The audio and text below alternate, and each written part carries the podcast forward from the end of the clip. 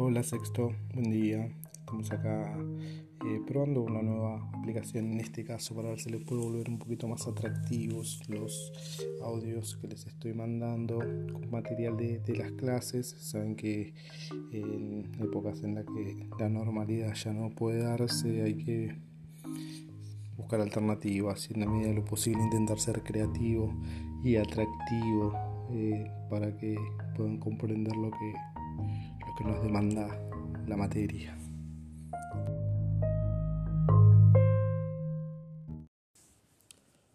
Bien, recuerden que el objetivo de la materia es que ustedes realicen una investigación ¿no?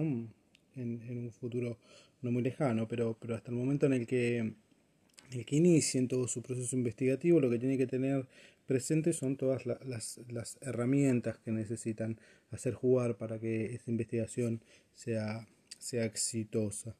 En ese sentido, en la materia venimos, venimos viendo algunas cuestiones que sería, sería interesante repasar, venimos trabajando con, la idea de, cómo no podemos eh, desde la materia observar la, realidad que, nos rodea y de la cual extraeremos un pequeño fragmentito para, para, para indagar eh, con, los ojos y, con, de la forma en la, que, en la que lo vemos en el cotidiano, tenemos que agudizar la mirada y vamos a la, idea de, eliminar eh, prejuicios, de, trabajar sobre el sentido común, de trabajar sobre, sobre las prenociones, de desnaturalizar el mundo social que nos rodea y además también esta cuestión de romper esa realidad desde el ámbito analítico que utilicemos para lograr eh, ser más perspicaces a la hora de llevar adelante eh, la investigación futura.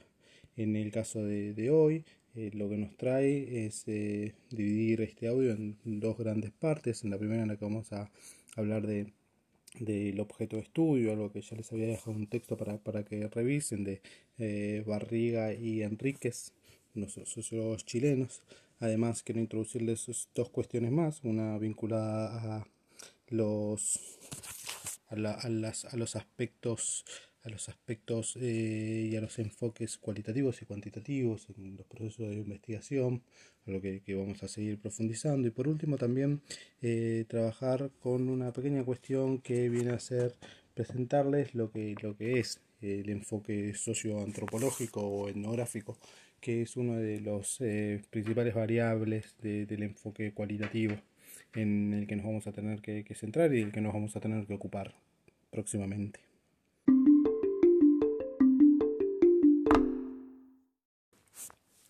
Lo primero que nos, que nos va a presentar el texto muy muy interesante y que va a aparecer acá y va a aparecer en varios lugares es que las investigaciones y los objetos de estudio que, que construyamos tienen que ser pensados como objetos artesanales y el proceso de investigación tiene que ser considerado como un proceso artesanal.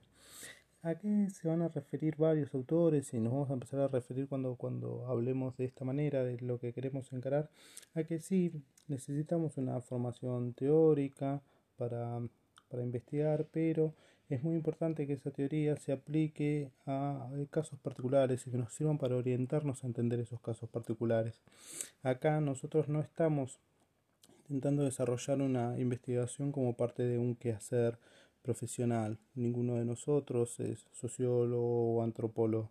Entonces es, fundamental que tengamos en cuenta que eh, la investigación la vamos a llevar adelante a partir de inquietudes propias y que cuando surge la investigación a partir de inquietudes propias, es más fácil eh, aplicar o entender a la investigación como parte de un proceso artesanal. No, no solo es el método tradicional, sino que para investigar vamos a empezar a desarrollarnos, a desarrollarnos y a desarrollar la investigación a partir de preguntas preguntas que el texto las, las, presenta como preguntas necesarias para pensar científicamente. ¿Qué sabemos sobre eh, el objeto de estudio que vamos a encarar? ¿Cómo llegamos a, saber eso? ¿Cómo se, se, explica o interpreta lo que, lo que queremos saber? Y qué supuestos hay detrás de todas las respuestas a las preguntas que nos hicimos anteriormente. Hay el texto nos va a decir que, que, los aspectos que, que, tenemos que poner en juego a la hora de, de, investigar son eh, aspectos empíricos, aspectos metodológicos, aspectos teóricos y aspectos epistemológicos. ¿A qué se refiere con cada uno de estos? Bueno, los aspectos epistemológicos tienen que ver con las formas de conocimiento, con, con el estudio, con, con, con eso. Lo, las cuestiones empíricas ¿no? tienen que ver con la experiencia y con la observación de los hechos. A eso va el empirismo. Por aspectos metodológicos, tiene que ver, sí, ahí con los métodos que utilicemos para investigar, pero también con su consecución lógica. Y las cuestiones teóricas y los aspectos teóricos tienen que ver con este conocimiento acumulado del que venimos hablando. ¿no? Eh, el conocimiento acumulado sobre, sobre, lo que vayamos, sobre lo que vayamos a estudiar. A partir de, de, poner en juego estos aspectos, digo, no solo vamos a guiarnos por los pasos de un método, sino por una lógica de construcción del objeto de estudio. El objeto de estudio es un objeto en construcción. ¿En construcción de qué? De lo que queremos saber. Hay que, hay que ver cómo llevamos adelante este recorte de la realidad que queremos, que queremos aprender. Eh, el objeto de estudio entonces sería, sería un resultado, debe ser elaborado a partir de una inquietud, eh, tiene que ser, eh, tiene que tener muy muy en cuenta todas las indagaciones eh, previas o por lo menos las últimas indagaciones sobre lo que nos interesa, lo que se sabe, lo que, que, nos, que nos interesa y lo que no se sabe, que seguramente es hacia donde, hacia donde vayamos. Entonces, como el objeto de estudio es un objeto a construir, lo primero que tenemos que hacer es delimitarlo. En ese sentido, encontrar eh, la bibliografía que discuta alrededor del tema que nos interesa para que nos ayude a ir eh, esto, ¿no? Recortando, sabiendo qué cosas se saben, qué cosas no se saben, qué cosas de las que se saben eh, no nos parecen de todo acorde, si queremos profundizar un poco más, eh, cómo nos acercamos a esto que, no se sabe, saber qué problemas han tenido previamente otras personas para, para acercarse a esto que no se sabe, porque capaz que no es que no se sabe porque a nadie se le ocurrió, sino porque es, es, es muy complejo o, ha resultado difícil en investigaciones previas acercarse a, a esos aspectos. Después de, de, tener en cuenta toda esta, esta, esta, delimitación o este recorte que se quiere hacer por medio de la, de la bibliografía, hay que construir previamente al objeto de estudio ¿no? un objeto conceptual, eh, va a decir el autor. Eh, este objeto conceptual tiene que estar eh, contemplado a partir de los objetivos generales y específicos que lleva adelante nuestra investigación y de las hipótesis que contenga. Acá hay que hacer una, una diferenciación entre objeto y objetivo. El objeto va a ser el producto del conocimiento, mientras que los objetivos son las acciones que vamos a llevar adelante para conseguir ese conocimiento. Eh, aparte de delimitar el objeto de estudio eh, o de delimitar el objeto que nos interese, eh, tener en cuenta cuál es el objeto conceptual al cual nos, vamos a abordar, hay que tener además en cuenta el objeto empírico. ¿Qué es el objeto empírico? Es el plan metodológico, digo, cómo vamos a observar, cómo vamos a llevar adelante la recolección de datos. Y una vez que tenemos el objeto delimitado, el objeto conceptual y el objeto empírico, sí nos vamos a estar acercando a el objeto de estudio. Eso que se escucha de fondo no son agregados míos, sino que es eh, el cielo que está muy inquieto el día de hoy. Eh, esperemos que, se vaya tranquilizando. Y bueno, para terminar con las cuestiones vinculadas al objeto de estudio, eso, tengan en cuenta de que, de que el objeto va, va a aparecer eh, en todo el proceso de investigación al inicio, pero eh, se va a terminar de, presentar ¿no? nuestro objeto de estudio cuando podamos eh, ver el, el resultado de nuestro proceso de investigación. tengan en cuenta ahí el, el, ejemplo con el que trabaja el texto. Eh, tomo como ejemplo eh, para, para, para, ver esta cuestión eh, una investigación que, plantea que llevaron adelante unos estudiantes sobre los efectos del consumo de proteínas en el rendimiento escolar de la educación básica y en Concepción, que es un lugar particular de, Chile. Fíjense cómo en el texto dice, bueno, ¿qué es lo que quieren estudiar? Eh, estos, estos alumnos, digo, bien, los efectos del consumo de proteínas sobre los niños. Entonces, ahí va diciendo, bueno, sobre los niños, bueno, sobre, sobre el, rendimiento escolar de los niños, porque tal vez sobre todos los aspectos de la vida de los niños sea, sea complejo.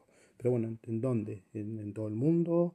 Eh, ¿En un país? Bueno, es, es grande eh, y bastante difícil abarcar todo el mundo, también muy difícil abarcar todo un país, entonces hagámoslo sobre, sobre una localidad puntual, de, en este caso de Chile, ¿no? que, es Concepción.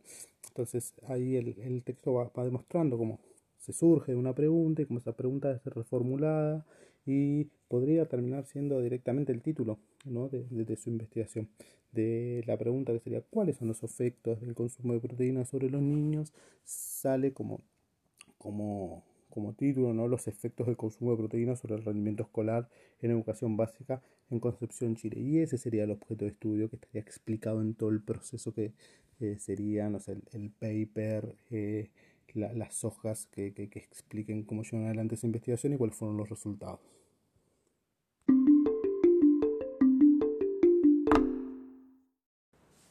Bueno, les sumé, además de, esto, el día de ayer un cuadro comparativo que, sería bueno que, revisen para, mañana, donde tengo pensado realizar una, una clase virtual, una videoconferencia. Después de esta clase virtual están, abiertas ¿no? todas las inquietudes para los que pudieron participar y para los que no pudieron participar, porque la, idea es que los quede clara, sobre esta distinción que eh, hace el cuadro entre los enfoques cualitativos y cuantitativos en ciencias.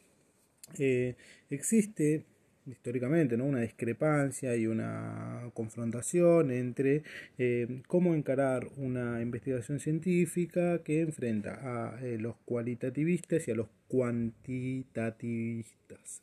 ¿Qué, sería, qué serían las características de estos enfoques, los cualitativos y los cuantitativos? Bien, vamos a, la definición de las palabras. ¿no? Lo, lo, cuantitativo hace referencia a lo medible, ¿no? a las cantidades, de lo que sea y por otro lado lo cualitativo hace referencia a las cualidades, a los aspectos no medibles, si se quiere, de eh, algo que, nos interese, que nos interese investigar.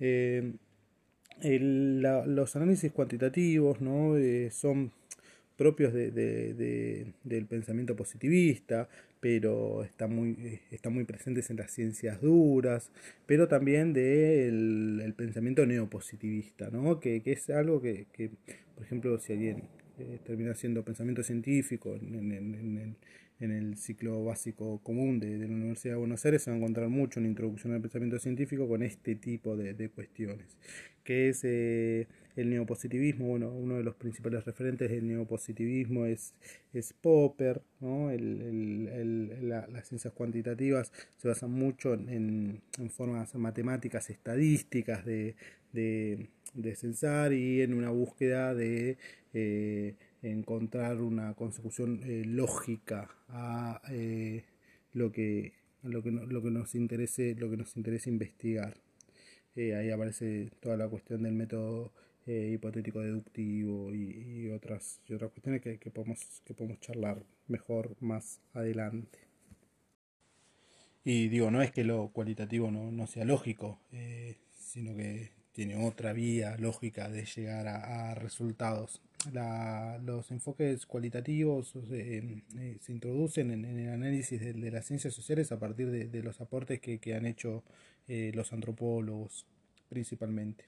Hay hay algunos tal vez que, sea interesante mencionar para, para que no queden eh, perdidos ni olvidados, son Levi Strauss y, y Malinowski. Eh, esta, este, los enfoques cualitativos, como dije, bueno, se basan en estas perspectivas más humanistas, que, que tienen que ver con, con esto que ya hemos charlado de, de la imposibilidad que tienen los cientistas sociales de separarse de, de la realidad que, quieren, que quieren investigar. Eh, ahora vamos a profundizar un poquitito más, más con esta, con esta con estas cuestiones. Pero lo que se preguntan ¿no? los, los, cualitativistas eh, es bien, ¿cómo, ¿cómo, yo cuantificaría o cómo podría yo cuantificar cosas como el afecto, como lo, ideológico, como lo, psicológico en una investigación? Entonces sienten que, que los enfoques eh, cuantitativos directamente les, son poco, poco, poco representativos de lo que les interesa. Entonces al preguntarse cómo llegar a conocer estas, estas cuestiones, eh, es que, es que se tienen que hacer otro tipo de, de preguntas y tienen que abordar sus investigaciones de otra manera. Ahora vamos a ver de qué manera. Eh, con respecto a la, a, la, a la, antinomia y a la confrontación entre cualitativos y cuantitativos, mm, que no les resulte eh, sorprendente que no, no, no, terminan siendo excluyentes ambas, ambos enfoques, sino que lo importante y lo interesante de ambos es que, es que pueden funcionar como complementarios. Y que es lo que tenemos que intentar lograr nosotros, llevar adelante un, balance y un equilibrio entre ambas, entre ambas formas de encarar un proceso de, investigación. Vendrían a ser, eh, simplificándolo, como digo, las dos caras de una misma moneda. Por último, dentro de, lo que les quería explicar hoy y dentro del enfoque cualitativo en, investigación, tenemos el, como, como estrella, como función más relevante o aspecto más relevante lo que, lo que se conoce como aspecto socioantropológico o etnográfico. Eh, este enfoque es la base de, sobre todo la etnografía, ¿no? es, es, la base de, de, lo que se conoce como el método antropológico.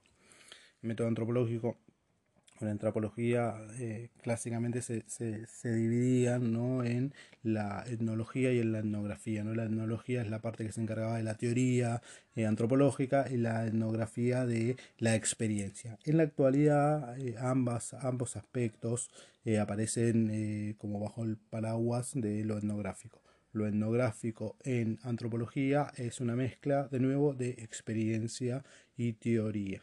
La experiencia eh, antropológica, ¿no? en, estas investigaciones cualitativas, tienen que ver eh, de forma tradicional con lo que se conoce como observación participante. O sea, eh, el antropólogo tiene que llevar adelante una observación participante dentro de la comunidad estudiada, tiene que saber que, que, es, es, parte de los objetos que estudia, tiene que llevar adelante de nuevo un proceso artesanal y complejo para vincularse con eh, su objeto de estudio, tiene que eh, utilizar como método predilecto de su investigación la, entrevista ¿no? a informantes que él considere claves, entonces los niveles de involucramiento que tiene el investigador, el sujeto sobre el objeto de estudio es, es algo que es claro y eh, a la vez digo es claro que ocurre pero es complejo de delimitar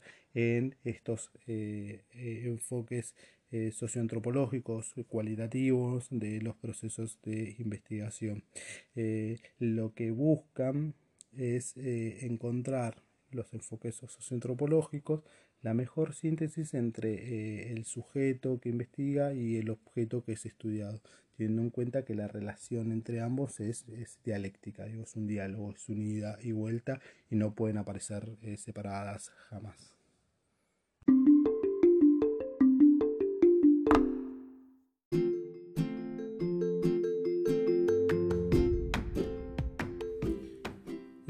Esto es todo por ahora. Eh, recuerden que les va a llegar una invitación, una clase virtual para mañana, si pueden estar. Eh, eh, vean el cuadro, háganse preguntas a partir del cuadro, cosas que entiendan, cosas que no entiendan, vayan notándolas para, para acercarlas mañana a la clase. Lo mismo, les pido por favor que hagan con, este audio, escúchenlo, se lo tendría que haber dicho al principio, pero vuelvan a escucharlo, con algo para, para ir anotando las cosas que se van diciendo y las cosas que les generen dudas. La idea es que lo podamos charlar, charlar mañana. Eh, o en otras instancias en las que quieran, quieran hacer preguntas, sepan que, es importante que estemos comunicados y que, que haya, y que haya ida y vuelta. Eh, eso, nos vemos pronto y que sigan bien.